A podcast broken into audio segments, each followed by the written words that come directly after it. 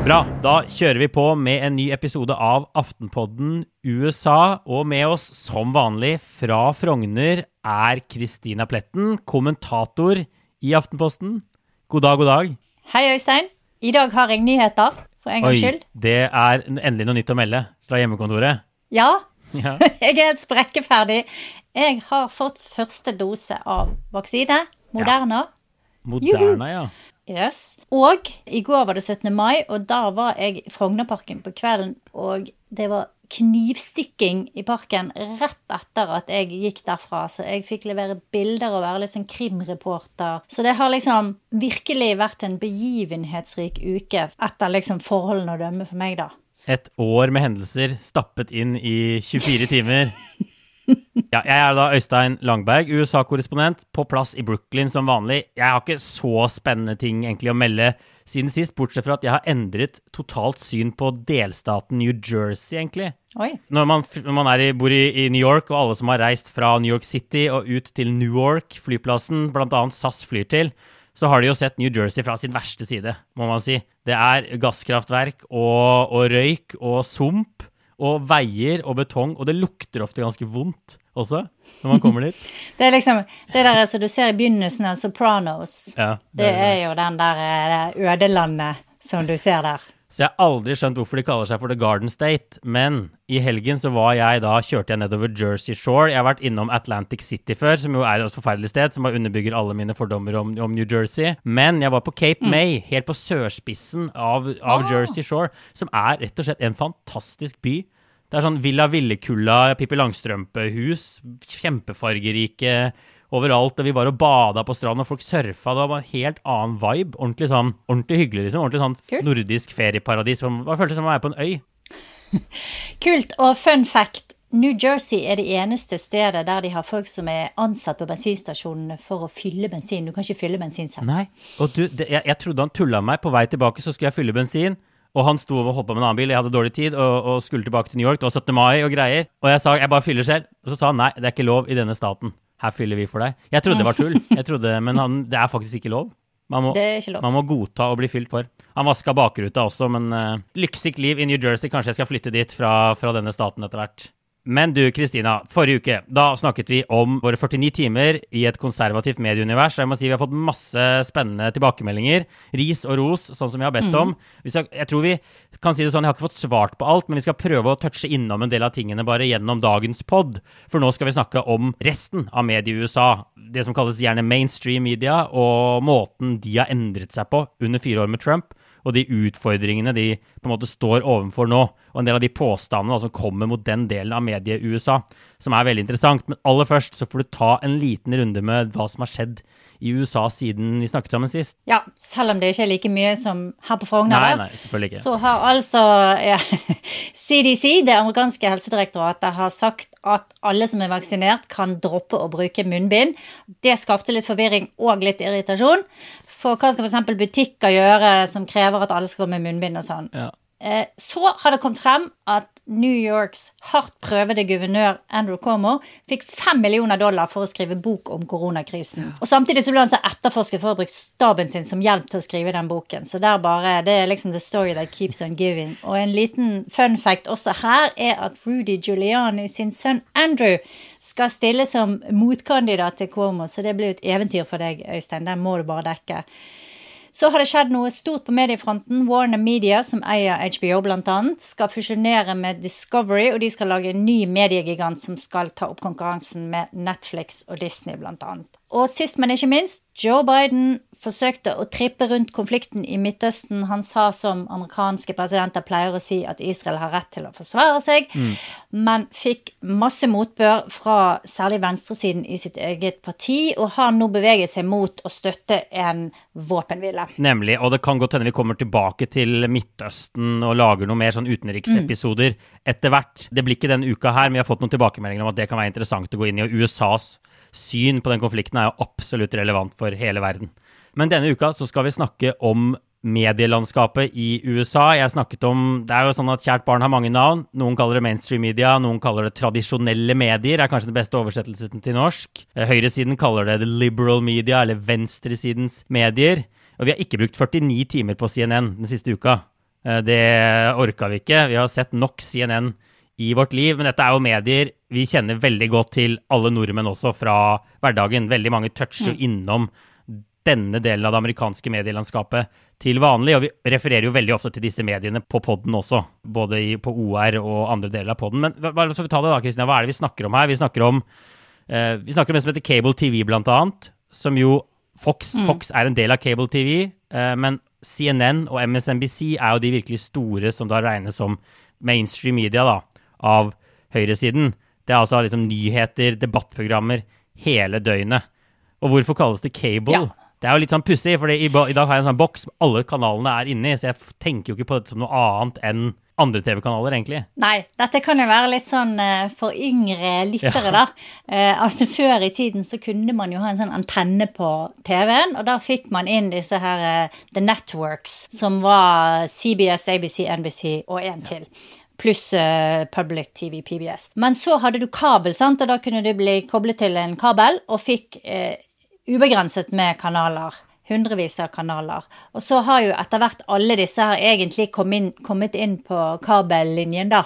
Mm. Men du måtte betale for å ha kabel, mens de andre kanalene i utgangspunktet var gratis. Så er det vel på et eller annet vis enda, hvis man vil, da. Ja, og da har vi jo Du nevnte noen TV-kanaler. altså Du har ABC, CBS, NBC er jo tre store TV-kanaler i USA som ligner mer på eh, mm. TV2 i Norge, egentlig, og kanskje litt NRK. De, har, eh, de sender altså, sitcoms, de sender alt mulig rart gjennom dagen. De har sånne morgenshows som er ganske sånn lette i tonen. Og så har de en, noen sånn lokalnyheter, blant annet, fra New York, hvor de sender ja. fra sine lokalstasjoner. Og så har de da noe som ligner litt på Dagsrevyen. Eh, en halvtime hver dag, hvor de har en, sånn, et anker som har det samme programmet hver eneste dag, og som gir en sånn oppsummering av dagens hendelser. Og disse kanalene er fortsatt ganske populære, men de er ikke så populære som de en gang var. Nei, for det at eh, før var det sånn i USA at alle satt og så på The Evening News, som jeg tror begynte klokken halv sju. Seks eller ja. halv sju. Og da var det sånne Anchorman som var de store heltene. Walter Cronkite er den aller mest kjente av de, den store giganten i amerikanske TV-nyheter. Tom mm. Broker, P Peter Jennings osv. Og, så og de hadde litt sånn heltestatus. Det var sånn som alle folk stolte på, da. De stolte på de nyhetene de fikk gjennom The Evening News. Og så begynte det å smuldre opp på 90-tallet, og i løpet av det første tiåret i 2000-tallet så var det, den statusen kraftig redusert. Og den er jo ja, veldig redusert i dag. Det er fortsatt en god del som tuner inn og ser på disse sendingene. Og jeg så en sånn, en sånn spørreundersøkelse, så er ABC en av de mediene i USA som, som flest amerikanere sier de har tillit til. Men det er jo denne enorme kløften mellom, mellom, folk som er på høyresiden og folk som er på venstresiden. Men ABC er det del folk også på høyresiden som sier at de, de har litt tillit til. Så det er litt, litt antydning at noen av disse klarer det. Og, men det kan godt hende det henger sammen med at de sender populære sitcoms også. Jeg, jeg, vet ikke akkurat hvor de der tallene kommer fra. De er jo ikke bare nyheter hele døgnet. Nei. Men du, også har vi avisen, da. Vi får snakke litt om, om de New York Times, Washington Post, uh, de største. New York Times er jo en av verdens største aviser, har jo hatt kjempesuksess med mm. digitale abonnenter. De er jo på en måte et forbilde for, for Aftenposten og sånn. Både sånn altså hvordan de altså, driver sjappa si, businessen sin, og driver journalistikk. Eller forbilde for journalister i hele verden, egentlig. De er jo veldig innovative òg. Mm. Og så har du et underbruk med sånn LA Times, Boston Globe, disse andre, Miami Herald, som kanskje ikke ja. nødvendigvis går like bra. Noen av de sliter ganske mye. Ja, og så har du USA Today, som er en nyere avis som ble startet som en slags sånn eh, Skulle være litt sånn mellomting mellom en tabloid og en seriøs avis, og jo var en stund USAs største avis. Og sto i sånne der bokser på gaten som mm. folk kunne kjøpe. Og, så det var ikke en abonnementsavis så mye som en løssalgsavis. Eh, ble delt ut på hoteller og sånne ting. Og så har du noen store tabloidaviser, i, særlig i New York, da. New York Post, uh, Daily News. Ja. Og de er jo noen av verdens råeste tabloidaviser. De forsidene er jo mm. av og til bare en fryd for øyet. De går liksom de britiske The Sun og sånn en god gang. Og der er det også sånn tydelig venstre- og, og høyreinndeling, eller i hvert fall The New York Post regnes jo som vesentlig mer høyreorientert. Og hvis noen husker f.eks. denne Hunter Biden-PC-en, som disse folka som ville ha den saken ut i mediene først, gikk de til Wall Street Journal. De ville ikke mm. ha den, og så gikk de da til New York Post og fikk denne saken på trykk der. Og apropos Wall Street Journal, så tenker jeg også det må faktisk regnes inn blant mainstream media, selv om ja. det er Eida Mur Murdoch, og vi snakket jo også om det i forrige uke, men, men det er jo en veldig stor, veldig seriøs avis som jeg leser hver dag og er veldig begeistret for. Ja, enig. Wall Street Journal og New York Times som jeg abonnerer på. Jeg får jo da selvfølgelig papiravis som den papiravismannen jeg er på dørmatta hver dag. Og så har vi da, vi må nevne da, så det er mye nisjete steder og mer sånn magasiner. Det er jo så mange av de kan ikke liksom nevne alle der. Vox.com er et sted jeg har vært og besøkt tidligere. Jeg leser en god del av det de lager. Vi nevner 538, det er en av mine favorittnettsteder. ikke sant? Politisk analyse, sportsanalyse. Mm. Og så har det alle magasinene, mener jeg. Altså New Yorker, New York Magazine. New Yorker er jo eh, kanskje det, liksom, det gamle, store, litt sånn litterære magasinet. Veldig lenge hadde ikke de bilder. Jeg tror de bare begynte med foto jeg, sånn, for 10 år siden eller 15 år siden. eller noe sånt. Og, og, New Yorker er jo et sted som egentlig har vært mest kjent for, eh, for essay og sånn veldig litterære tekster var veldig stort å få en novelle publisert der, f.eks., men som de senere årene også har blitt ganske god på, på, politikk og politiske nyheter, og har liksom bygd opp en sånn graveavdeling og kjørt ganske mye store saker der, da. The Atlantic er et annet eksempel. Den er jo ganske Den er mye lenger til venstre, vil jeg si, og er, og er mer vinklet. Og så har du et som heter Mother Jones, som er kanskje det mest Det som er ut på, lengst ut på venstresiden, som er sånn eh, mer et slags aktivistmagasin.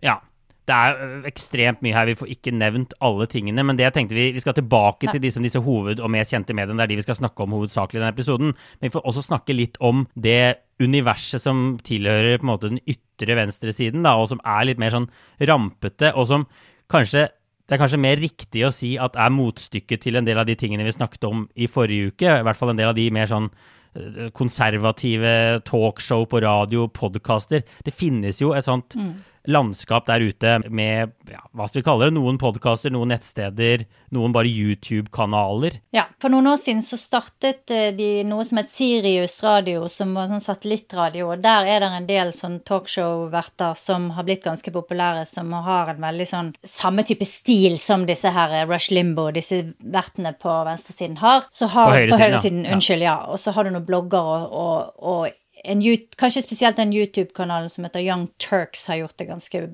bra. Da har ganske stort publikum. Men de er mye mindre enn de tilsvarende eh, outletene på høyresiden. Ja. Jeg hørte litt på The Young Turks denne uka her. Jeg har ikke hørt så mye på det før, og det er interessant. Ja, de har, og egentlig flere av de andre du nevnte òg, de har litt de sinte monologene man, pulsen begynner å slå når man hører på det. Man, kan, man skal bli litt sånn mm. uh, Det er umulig da, å ikke bli engasjert av, av det stoffet de lager. De kalte bl.a. Bidens Israel-politikk for rasistisk.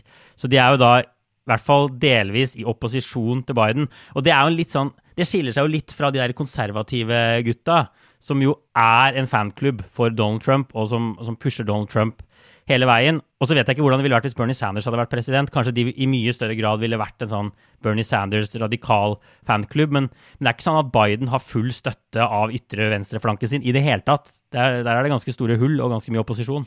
Ja, og sånn har det jo vært hele tiden. Disse her har jo heiet frem ytterste venstre, akkurat som høyremediene har, har heiet frem Trump, men har hatt større mm. suksess i å få sin mann valgt, da, rett og slett. Ja, ja. Og så får vi bare nevne Pod Save America til slutt. Eh, ja. De har jo vært på besøk i Oslo, de som lager den. Tidligere Obama-rådgivere. De ikke, kan ikke plasseres på ytre venstresiden, men de kan definitivt plasseres i kategorien heiagjeng for Det demokratiske partiet. For det er det de er, og de har også skapt et ganske sånn stort medieunivers. Jeg tror det er ganske mange som hører på disse, disse podene. Men det er jo da prodemokratisk Man kan kanskje ikke kalle det propaganda, men i hvert fall et tydelig ja. budskap, da. Om ikke det er propaganda, så er det bygd opp på en måte som er med den hensikt å få venstresiden til å se bra ut og få høyresiden til å se dårlig ut. Så på den måten så ligner de veldig mye på, på det som eh, skjer på Fox, f.eks. Ja. Ikke nødvendigvis et mål om å komme til bunns i, i sakene og, og sammenligne Bidens politikk på grensen med Trumps politikk og si at kanskje den er ganske lik. Altså, det, er ikke, det, er ikke, det er ikke helt der de er, da. Nei. Men du, Trump, vi har allerede nevnt Trump. Vi kommer ikke utenom Trump. Altså, da Trump kom til makta, så fikk Man må vel nesten kunne si at de tradisjonelle mediene fikk et sjokk. Eh, Mm. Det har i hvert fall ført til ganske sånn store endringer i måten de driver journalistikk på, og bød på noen ganske sånn store utfordringer. Det var jo blant annet sånn at etter Trump ble valgt, så var det flere av disse mediene, eh, altså New York Times, CNN, flere av de store, som rett og slett gjennomgikk måten de hadde dekket valgkampen på, og konkluderte vel med at de hadde bommet litt i måten de hadde balansert dekningen på. De hadde dekket disse rallyene til Trump og liksom sendt det i sin helhet, gitt han en, en, en enorm plattform, kanskje litt sånn uimotsagt plattform. Og, og, og det ble vel også sagt at Hillary Clinton-skandaler ble sammenlignet med Trump-skandaler, enda Hillary Clinton-skandaler ikke var i samme omfang. Ja, og det var jo disse her e-postene til Hillary Clinton. Hillary Clinton var eh, under etterforskning. Det viste seg jo seinere at det var også Trump. James Comey, eh, som var FBI-sjef på den tiden, gikk ut og sa at eh, han hadde avsluttet etterforskningene, så åpnet de den opp igjen. Og så var det masse styr rundt dette her, og det var mange medier i etterkant som tok selvkritikk på hvor mye oppmerksomhet de hadde gitt til disse her e-postene til Hillary Clinton, og som gjorde at vel, jeg tror da, som gjorde at veldig mange velgere fikk et inntrykk av at hun og universet rundt henne var mye mer korrupt og uærlig enn det det var noe bevis for. Mm.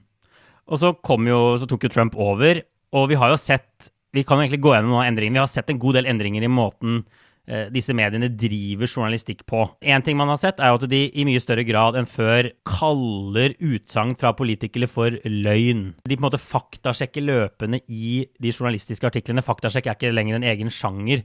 Man, man skriver på en måte rett ut uh, 'Trumps false election fraud claim', kaller man det nå. Man putter 'false' i tittelen. Uh, Trump declared without any evidence the election was fraudulent. De, de sier den type ting. De, kaller, de kaller ting Trump sier for racist remarks, f.eks. Og det er en ganske sånn tydelig endring, da, hvor, hvor liksom journalistenes stemme kommer veldig tydelig frem i sakene. Ja, absolutt. Og det har jo vært en veldig bevisst endring, tror jeg, fra disse avisene. Og sikkert også en vanskelig intern prosess, og vi har jo hatt lignende diskusjoner også internt i Aftenposten i løpet av disse årene. Hvordan skal vi omtale dette? Hva skal vi, hva skal vi skrive om, hva skal vi ikke skrive om? Skal vi lage sak hver gang Trump gjør noe som er ingen andre har gjort før han, og som er helt outrageous, ikke? Eller, eller er det noe vi skal ignorere? Han var jo en mester til å manipulere medier, og til å manipulere mediedøgnet, sånn at han det alltid, handlet alltid om Trump, og det gjør jo det fortsatt i og med at vi sitter her og snakker om han. Han hadde en sånn evne som var ganske unik, da, til å, å sette agendaen. Og en ting til som har skjedd i siste uken i mitt utrolig begivenhetsrike liv, er at jeg har vært på sånn kurs der det handler om hvordan du skal kjenne igjen medietrente personer, hvordan du skal intervjue dem. Og når jeg lærte om hvordan politikere får medietrening, og hva de blir fortalt, og hvilke teknikker de lærer da, så tenkte jeg bare Trump, Trump, Trump. Altså, han er best på alt dette her. Han er virkelig Du kjenner igjen mønsteret i det de forteller, i hvordan han oppførte seg. Så han var en helt unik utfordring for avisene. Og de måtte legge om stilen pga. det. Ja, Men tenker du at de har håndtert det godt? Det er jeg litt usikker på. Men jeg vet ikke om jeg har noe alternativ til måten de gjorde det på. Fordi, ikke minst fordi særlig Washington Post og New York Times har så stort ansvar. Det er nesten mm. bare de som tar det ansvaret eller som, som, har ressurser nok til å virkelig ta den jobben med å faktasjekke han i real time, ikke sant, med å, å holde han i ørene, med å drive gravejournalistikk og virkelig drive kritisk journalistikk rundt hva som skjedde, ikke bare i Det hvite hus, men i alle de forskjellige departementene. Det var også en, ja. en del andre outlets som gjorde en del av det, men det var liksom virkelig disse to avisene som tok den store jobben, da. Og det er klart at ja. det, det, føltes nok som en nesten sånn unntakstilstand. Men det er klart at det er farlig fordi at du nærmer deg i hvert fall å gå på akkord med noe som er veldig viktige prinsipper, og som kanskje er de prinsippene som er kjerneverdiene i den bedriften du har. Altså objektivitet og troverdighet. Og Ja. dette tror jeg har vært en veldig, veldig, veldig vanskelig sak for disse avisene. Eksempel å stemple noe som rasistisk. Det er jo, Noen har jo ganske brede definisjoner av hva rasisme er. Noen vil si at det er veldig, sånn, veldig sånn smalt. Du skal være ekstremt sikker på at det er rasisme før du kaller noe rasisme. Det er ikke så, det er ikke så lett å sette det stempelet på, men det, det gjøres jo nå. Og så sluttet jo en del av TV-kanalene å sende, sende talene til Trump. Det var jo også et, et stort steg å slutte å sende presidentens ord, ikke bare taler, men pressekonferanser og alt mulig sånt. Det var en, et annet grep de gjorde. Og så var det jo mye mer fokus på dette med liksom balanse. Det var bl.a. etter denne Hillary Clinton versus Trump-runden. Skal man si 'dette sier den siden', 'dette sier den siden', og dekke politikk som en fotballkamp, eller skal man på en måte gå mer aktivt inn og si at ja, noen har mer rett enn andre, det finnes noe fakta her inne, vi kan ikke bare på en måte sette en sitatstrek og så skrive 'valget var stjålet' og ha det som, som tittel når Trump sier det. Det er også sånn Eh, også en sånn eh, debatt som har kommet, og som man har sett en del endringer på. Og så har det jo blitt en stor debatt. Du har jo bl.a. intervjuet Washington Posts eh, sjefredaktør nylig på, på nordiske mediedager. og Det er jo dukket opp en stor debatt om liksom objektivitet også, hva objektivitet er, og om journalister rett og slett skal være mer aktivistiske, om det er den ærlige, riktige måten å gjøre det på. Du kan jo si hva, hva sjefredaktøren fortalte deg, da. Ja, Marty Barron heter han. Han er legendarisk eh, sjefredaktør. Nå har han akkurat gått av eh, fra Washington Post. Har også ledet eh, Miami Herald og Boston Globe tidligere. Og han er veldig opptatt av disse to begrepene, altså truth and objectivity. Sannhet og objektivitet. Han mener at det er en så viktig bærebjelke for store, seriøse medier at hvis man begynner å gå på akkord med de, så mister man seg sjøl. Så mister man liksom hele grunnlaget for sin eksistens. Men så sier han objektivitet er ikke det samme som å gi like mye tid, eksempel, og like mye vekt til to forskjellige argumenter, da. Og dette så vi jo f.eks. veldig tydelig i klimakampen tidligere. At i begynnelsen, når mediene snakket om klima, så ga de klimafornekterne like mye tid, eller i hvert fall til nesten tilsvarende, for at man skulle ha, lage en slags kunstig balanse. Og det ble veldig feil. Og jeg tror noe av det samme skjedde med Trump, da. At man måtte prøve å finne en objektivitet i fakta, og i det som var rammen som avisen skulle jobbe innenfor, men som ikke nødvendigvis var, var noe fordelaktig for Trump. Det kan hende at når man omtaler noe av det som han gjorde, så var det ikke noe objektivt fordelaktige ting som man kunne bringe inn i den artikkelen, og da skal man heller ikke gjøre det. Så snakket Barron også interessant nok om at det var et enormt press fra venstresiden på å ta mer stilling, ta, bli mer vinklet, kalle han for rasist. Drive med no platforming, ikke sant. Nekte å, å dekke pressekonferansene hans på en måte. Og det er jo også veldig problematisk da, når man begynner å få politisk press fra andre kanten som mener at f.eks. en president ikke skal få komme til orde, ikke skal få ha noe plattform, selv om han er den veldig kontroversielle karakteren som han var, så var han folkevalgt. Ja. Og da må man egentlig forholde seg til de rammene, ellers så rakner jo liksom alt, da. Ja. Men eh, for Baron så var dette her en eh, Jeg tror det har vært en, en kjempestor kamp de siste årene. Ja, og vi, vi har jo nevnt både hvordan medier har endret måten de, de dekker f.eks. Trump på, men, men det har jo også denne kulturkrigen vi snakka om i forrige uke, og denne spente situasjonen, da. Eh, Gnisningene mellom de som vil drive litt mer aktivisme, og de som er mer opptatt av liksom de gamle journalistiske verdiene. Det har jo virkelig også skapt problemer innad i avishusene. Det har vært en vond periode for avishusene. Også New York Times har jo hatt flere runder hvor, hvor folk har fått sparken, det har vært internt bråk over, over altså alt som måte, alt fra sånn Black Lives Matter, metoo, hvordan disse tingene dekkes internt. Det var bl.a. en kronikk som ble satt på trykk i New York Times, eh, hvor en senator, en helt, altså en, en, en vanlig amerikansk senator, folkevalgt eh, mann, prøver å forsvare det å sette inn militære mot demonstranter. Og han fikk denne da på trykk i New York Times, og det ender jo da med at New York Times sin, sin, nei, sin eh, debattredaktør må gå av etter at den er satt på trykk. Som også er et sånn eksempel på sånn, sånn spenning mellom måte, i hvert fall sånn det blir fremstilt, mellom den gamle måten å tenke journalistikk på, hvor man skal ha veldig høy, sånn stor toleranse for meninger, og liksom den nyere, mer sånn no platforming, aktivistiske måten å drive det på. Ja, og der, i New York Times har det vært ekstremt mye bråk, og der er kommet inn mye unge og eh, mer aktivistiske journalister som prøver å trekke den avisen i en retning som, som andre stritter ganske hardt imot, da. Ja. De hadde noe som heter 1619-prosjektet, som handlet om historien med slaveriet. Noen mente det var en omskriving av historien, det har vært masse bråk rundt det. Uh, Marty Barron, han Washington Post-redaktøren, fortalte meg også at det har vært lignende konflikter i The Post det siste året som var ganske tøffe. Uh, der uh, spesielt unge, nyansatte journalister kommer inn med et helt annet perspektiv. Et helt annet blikk på hva avisen skal være, og hva deres rolle skal være. Og, og som var veldig sånn konfronterende. Og jeg forsto det på han at det hadde vært ganske så belastende, altså. Ja, det er veldig interessant. Jeg tror jo etter disse årene at det er vanskelig å se for seg at man kommer til å returnere til journalistikk akkurat sånn det var før Trump. Og det er ikke mm. sikkert liksom, det er riktig heller. Det er sikkert bra at man i større grad kaller en spade for en spade. Uh, hvis det er noe som er faktafeil, så, så kall det en faktafeil. Ikke sett en sitatstrek og la folk bare få si det. Um, så i, i, mindre grad dekke noe som er fotballkamp. Man har kanskje blitt litt mer skeptisk til offisielle kilder og sånn. Uh, forhåpentligvis, da. Setter, og godta mindre anonyme kilder som åpenbart har agendaer og sånn. Men det blir spennende å se hvordan de vil dekke Joe Biden. Om de klarer på en måte å nullstille Joe Biden. For det vi også ser, er jo langt mer meningsjournalistikk enn før. Langt mer aktivisme, vil jeg si.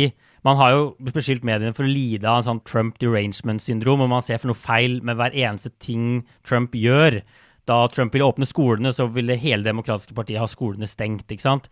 Den type ting. Og det er ikke tatt sånn helt ut av det blå, de tingene der heller.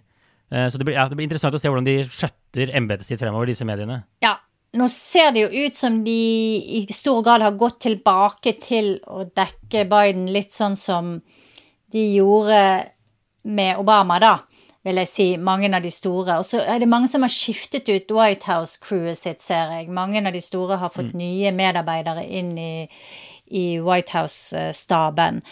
Uh, og så er det jo kommet noen utfordrere, sånn som Axios, som vi har snakket om før. Flere andre, Politico, som også dekker politikk på en litt mer sånn vil jeg si, nøytral og sånn kortfattet og mindre vinklet måte, da. Mindre farget måte. De, de, er litt sånn just the facts, og dette er det du trenger å vite.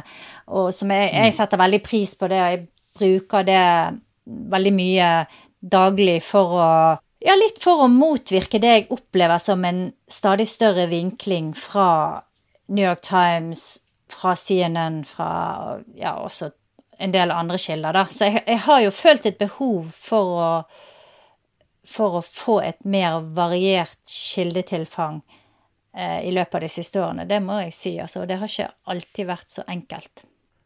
Men det er kjempeinteressant. La oss snakke litt mer om det. For det er en av de klassiske påstandene nå. Som man hører, altså New York Times, MSNBC, CNN, de er like ille som Fox. De er Fox på venstresiden. De er en heiagjeng for Det demokratiske partiet. Altså, er de det, sånn du ser det? Nei, det syns jeg ikke. Jeg vil si at det er enkelte røster på CNN og MSNBC som helt åpenbart er det. Og det syns jeg av og til bare er litt slitsomt å se på, for de, de dunker bare i vei med ett eller to tema, og det ruller og går liksom igjennom døgnet, og så er det en ny ting neste dag, og det er veldig sånn personvinklet, og det er, det er sånne konflikter som hele tiden mm. høyses opp. Så jeg, jeg, jeg, er litt enig i at eh, de begynner å nærme seg det, men de holder seg tross alt litt mer innafor streken når det gjelder å fremstille fakta, sånn som jeg opplever det nå, da. Og så tenker jeg jo at New York Times er veldig mye. Det er en kjempestor avis med masse, masse glitrende journalister. Så det, så det er veldig vanskelig å skulle fremstille det som en liksom sånn woke eh, greie. For selv om de har hatt noen tendenser, så har de veldig mye journalistikk som ikke er sånn. Mm, ja. Men vi har jo Du nevnte jo CNN og, og MSNBC, og det, det, man jo ser der, er at de har jo gitt mer plass, kanskje. De er mer profilerte. Det er jo sånne folk som på en måte spiller en rolle, sånn som Tucker Carlson, da, som vi snakket om i forrige uke, gjør på Fox. Hvor de har denne samme runden med monologer, ganske forutsigbart. Du vil mm. aldri høre en monolog om det bra Trump har gjort den siste uka, på en måte. Det er da å selge på en måte, venstresidens politikk ofte, da, på en eller annen måte. Altså CNN gjorde vel et valg der de før var en ganske objektiv og bra og nyhetsdrevet kanal, så fikk de en utfordrer på venstresiden, MSNBC, som ble større enn de, og som er jo en underbruk av NBC, og derfor har en del ressurser som de kan trekke på også. Så CNN i USA gjorde jo et valg med å trekke seg egentlig helt bort fra nyheter og bare bli sånn talkshow, talking heads-greie, mens du har CNN International, det som vi altså får her i Norge, mm. som er noe helt annet, og som har kjempegode journalister i Midtøsten f.eks., som lager, og i Afrika og i Asia, som lager gode reportasjer, og som, som virkelig er tipp topp. Så ja. der er det en, en stor forskjell fra det som er CNN i USA, og det vi andre får. Ja. En ting som jeg har tenkt litt over, er jo hvordan disse mediene, da, hvis man tar CNN, MSNBC og Fox, fungerer som nyttige idioter for hverandre i hverdagen. Og når Tucker Carlsen har sagt et eller annet dumt, så kommer det et eller annet knallhardt spark tilbake dagen etterpå på kvelden når de kommer til kveldssendingen. Og så har da høyresiden noe å snakke om etterpå, når en eller annen dame på MSNBC sier at uh, alle som avviser critical race theory, da, som vi snakket om i forrige uke, de er rasister, ikke sant. Og, så, og, så, og det er jo liksom mm Altså de, de, skaper i hvert fall en virkelighet for hverandre, da. Eh, og saker for hverandre, som er litt sånn skapt, skapt eh, konflikt. Ja. ja. de skaper en boble. Og så har jo det skjedd også de siste årene, at de trekker inn journalister fra New York Times og fra Washington Post som sitter og snakker om saker som de har skrevet, mm. og da ble, kanskje blir presset til å trekke det litt lenger enn de egentlig har gjort i, på trykk i saken sin. Og det er jo også en veldig sånn uheldig greie, tenker jeg, der du bare har sånne journalister som sitter og snakker med journalister, sånn som vi gjør nå. Ja. men uh, Men Ops. Uh, men uh, ikke sant. Det, du må liksom ut og, og lage ordentlig journalistikk og snakke med, med folk og gjøre liksom grunnarbeidet. Mm. For, at, for at du skal kunne fortelle sannheten og ha objektivitet. Ja. Og Noe av det vi fikk kritikk for da i forrige uke, bl.a. fra en leser, var at, som, som, mente at ikke vi gikk inn med et åpent nok sinn når vi hørte på, på Fox News. Og det ble bl.a. Eh, trukket fram uh, skolegjenåpning som en sånn greie. Altså, CNN da på sitt verste er jo veldig sånn bedrevitende, litt sånn selv, selvhøytidelig. De har monopol på fakta. Uh, og, men skolegjenåpning er jo et eksempel på at det f.eks. Fox eller Wall Street Journal da, kan være et viktig korrektiv, hvor man må kunne si at venstresiden ikke har levd opp til mantraet sitt om forskning først. Og at mm. disse skolene har vært stengt så lenge i USA. Det virker jo som liksom, det ikke har vært basis i, i, fakta. Så det er jo sånn, men jeg vet ikke, Vil du si at man skal se like mye på Fox som CNN? Eller skal man kutte ut begge deler, kanskje? Lese Axios? Altså, jeg, hvis jeg skal si Ja, lese Axios, det bør alle gjøre. Eh, hvis jeg skal si hvordan jeg bruker de mediene, så ser jeg relativt lite på begge deler. Men jeg, eh, jeg hører eh, Fox News mm. Sunday, som du kan få ned som podkast. Det hører jeg hver uke. Og så ser jeg litt på de programmene som jeg vet er sånn litt balanserte, da. Men jeg orker ikke å sitte og høre på f.eks. han Chris Cuomo, som er broren til Andrew Cuomo, som har et sånt program på CNN kvelden som bare sitter og mauler om Eh, det samme, altså, de samme talking pointsene, og, og, og du, det er så forutsigbart. Ja. Liksom, jeg føler det er bortkastet tid. Og, og, mye av det samme med deler av Fox. Men, men, man må jo liksom få med seg noe av det for å, for å se hva folk konsumerer, mm. da. Men i, i, små, i små, doser, ja. tenker jeg. Men vi må bare si at det finnes jo fortsatt fantastisk journalistikk som gjøres i USA. Og, og jeg tenker jo at det er blitt en mye mer sånn saus i USA mellom meninger og journalistikk, men det er jo fortsatt avisartikler, journalister, nyhetsmedier som Jeg tenker at forskjellen er at de liksom forsøker å forstå verden eh, snarere enn å prøve å forme verden på en eller annen måte. Og det er liksom det journalistiske idealet. og at at leserne vil vite hva som skjer i verden. da. De vil faktisk vite at Biden kan vinne valget. Jeg er helt sikker på at Hvis du har hørt på mange nyhetsmedier på ytre høyre, så, så trodde du ikke Biden kunne vinne det hele tatt. Det må være kjipt å leve i en verden hvor man bare får sånne sjokk mm. som det. Eh, sånn helt ut av det blå. Og jeg tenkte også på det kom elendige tall fra det amerikanske arbeidsmarkedet i, i forrige uke veldig veldig skuffende. Vi snakka om de i dag. Eh, og da er det jo noen medier som bare kaster seg over og sier dette er Bidens sosialistiske agenda som gjør at disse tallene er så dårlige. De gir altfor mye arbeidsledighetstrygd. Folk kommer seg ikke tilbake i arbeidsmarkedet. Antageligvis så er det en god del av sannheten, mm. men det er også en del andre ting som taler for det motsatte. Da, at folk fortsatt ikke kan komme tilbake på jobb fordi skolen er stengt, de passer på folk hjemme. Kanskje ikke er arbeidsplasser der de er i den type arbeid de passer for. Og da er det liksom noen medier som går inn og prøver å forklare dette, de ulike sidene ved det problemet, og, og fortelle ja, hva kan det være, hva kan det ikke være. Og så er det noen som bare skyter på for å ta Biden. Mm. Og det, det tenker jeg er sånn, en sånn grunnleggende forskjell, da. Men du finner begge deler på Fox og begge deler Ja. på CNN. Du finner helt Og- klart folk som bare forsvarer Biden og sier dette her er liksom Trumps skyld at det er sånn, og så finner du folk på Fox som sier Biden er en sosialist, sånn her går det. Ja. Og så er det jo liksom sånn at det er noen outlets som har glitrende journalister og kanskje mye møl.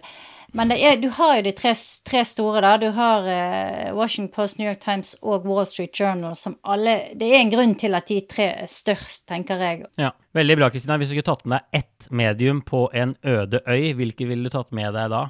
Du kan få tenke, da, mens jeg, jeg vil si først Jeg, jeg ville tatt med meg Financial Times, er min favorittavis. Jeg er jo økonom og sånn, men jeg syns de har så mye bra journalistikk. Eh, og de har på en måte mye En del av det samme som New York Times, bare at de evner å skrive en fjerdedel så langt. Som jeg også setter ekstremt stor pris på. New York Times er veldig ordrikt og lange artikler. Så jeg syns de, de treffer et eller annet. eh, og jeg vet ikke helt hva det er med, med balansen, og de beskyldes jo både for å være venstrevridde og høyrevridde. I gamle dager var det definitivt høyrevridde, men i Storbritannia har det vært masse folk som kaller de for liksom en del av venstresidens konspirasjon. Men jeg eh, må bare si at hvis jeg skulle hatt med en avis, så ville det vært den. Altså spørs jo litt hva du skal gjøre på den øde øyen. da. Skal du liksom holde deg oppdatert, Skal lese er det det som er målet? Financial yeah. Times er en fantastisk avis. Og det er jo noe med det òg, at både Financial Times og Wall Street Journal da, de er liksom nødt til å forholde seg til fakta. For hvis du skal selge aviser og informasjon til folk som skal investere millioner av eh, dollar, eh, så kan ikke du fòre dem med liksom et alternativt univers av eh, av bare konspirasjonsteorier, ikke sant? Det går ikke. Nei. Så jeg er enig med deg i det. Jeg tror Men jeg, ja. Kanskje Financial Times, men kanskje også av de vi har snakket om av de amerikanske, da, så er jo faktisk NPR, altså National Public Radio, kanskje de som lager de mest underholdende og beste tingene sånn Hvis du skulle sitte der, hvis det var en sånn med bare sånn én palme og en sånn liten øy som er på tegneserien, så tror jeg kanskje jeg ville hatt, eh, hatt med meg NPR. Say hello to a new era of mental health care. Cerebral is here to help you achieve your mental wellness goals with professional therapy and medication management support. 100% online. You'll experience the all new Cerebral Way, an innovative approach to mental wellness designed around you. You'll get a personalized treatment plan from a therapist, prescriber, or both in a safe and judgment free space. Your Cerebral therapist or prescriber will outline a customized plan with clear milestones along the way so you can get to feeling your best. With Cerebral, you're not alone in your mental health journey. We're here to empower you to live a fulfilling life. So take that first step towards a brighter future and sign up today at cerebral.com slash podcast and use code ACAST to get 15% off your first month. Offer only valid on monthly plans. Other exclusions may apply. Offer ends July 31st, 2024. See site for details. Veldig bra. Det var en slags OR, da, men vi får ta litt ordentlig OR til slutt også. Jeg kan jo kanskje begynne av denne uka her. Jeg Ja. eh, kan egentlig begynne med å stille et spørsmål til. Og det er, vet du hva det koster for en liter melk i butikken i Norge? Nei. Nei. 20 For det er jo kroner? sånn Ja, jeg tror det er ganske riktig, i hvert fall da jeg sjekka her om dagen på, um, inne på sånn netthandel. Jeg tror han, ja, 18-19-20 kroner, og så litt fancy melk koster litt mer.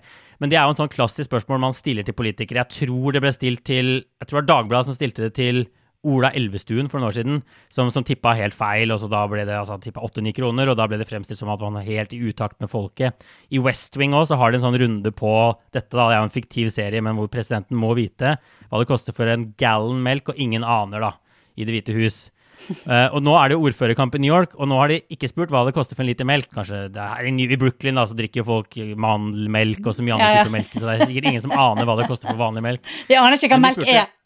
Nei, nei, ikke sant. Pistasj, pistasjmelk er det siste nå. Men Oi. det de spurte om, er hva en medianpris på en bolig eller leilighet i Brooklyn er. Alle kandidatene. Som også en sånn Hvor mye følger du med? Hvor mye har du hånden på pulsen? Mm. Og da er fasiten 900 000 dollar, Oh, shit. som jo er ganske mye. Ja. Uh, og Andrew Yang, som jo er favoritten uh, til å vinne, eller i hvert fall blant favorittene, han traff blink så det sang. Han tippa vel akkurat 900 000 dollar, tror jeg. Men det var to som bomma skikkelig.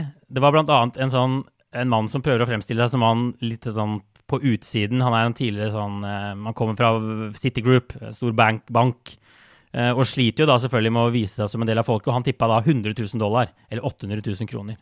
Som jo er bare helt utrolig feil. Du får vel ikke kjøpt et kott eller en garasje engang for, eh, for den prisen? Nei, det syns jeg er veldig rart. rart å tro at liksom medianprisen på en bolig eller leilighet i Brooklyn er Og det var også en person til som gjorde det, og da er det jo litt sånn off. Men jeg vet ikke om det er liksom et mål at politikere skal vite disse tingene, men det er kanskje et bedre spørsmål enn melkespørsmålet, egentlig, da. Hva har du tenkt på, Kristina? Yes, jeg har tenkt mye på disse, dette som heter kryptovaluta, som jeg går og grubler på. Jeg prøver å forstå så godt jeg kan. Eh, og har hørt en episode, utrolig fascinerende episode av The Daily, New York Times sin podkast, om en fyr som investerte i noe som heter Dogecoin, som er en sånn kryptovaluta som egentlig begynte som en sånn spøk på nettet. Og han forteller da hvordan han liksom tok alle pengene han hadde, lånte noen penger, og så pøste han alt inn i denne her valutaen, og så satt han og ventet på at det skulle stige, og plutselig en dag så begynte det å gjøre det, og han var helt oppe i 2,5 million dollar hadde han eh, i verdier, da, en stund. Og så spør de han sånn, ja, solgte du da? Nei, nei, nei, nei. Han skulle sitte på dette her, liksom, og, så nå hadde det gått ned igjen med en million dollar. Men han mente fortsatt at, eh, at dette her skulle liksom være hans eh, vei til rikdom, da. Eh, Men det var veldig fascinerende hvordan han tenkte, og hvordan hele dette her universet nå fungerer med sånne der eh, Ja, egentlig helt vanlige folk da, som sitter på nettet og prøver å kjøre opp aksjer. Og apropos Financial Times, så hadde de også en sak i går eller i dag om hvordan det selvfølgelig nå kommer uærlige aktører inn som kjøper opp masse aksjer, og så går de inn på sånne nettsteder og prøver å hause opp et eller annet navn, da, og få det til å stige. Så det har jo allerede liksom vokst på seg, dette her eh, fenomenet her. Men det er veldig interessant, og det skjer noe veldig rart i verdensøkonomien som, ja, som jeg, jeg strever med å forstå. Jeg er vel forhåpentligvis ikke den, den eneste som gjør det. Nei, det tror jeg ikke du er. Skal du investere? Er det det som er konklusjonen nå? Nei, det, for det første så har vel vi ikke lov til å Nei, det eie Vi har eh, ganske strenge regler i Aftenposten. Hadde vi hatt lov, så tror jeg ikke jeg hadde hatt så veldig mye penger å investere anyways. Yes, veldig bra. Men hvor var det du kunne høre denne historien, da? Det var The Daily sin The Daily, ja. eh, en episode. Vi kan legge ut eh, lenke. En Ja. eh, episode siste uken i The Daily. Da avslutter vi denne podden om mainstream media med en anbefaling av New York Times sin store podkast. Det er en fin avrunding av, for Ja. denne gang. Og så snakkes vi igjen om en uke. Og så bare håper vi alle har det bra til da. Yes.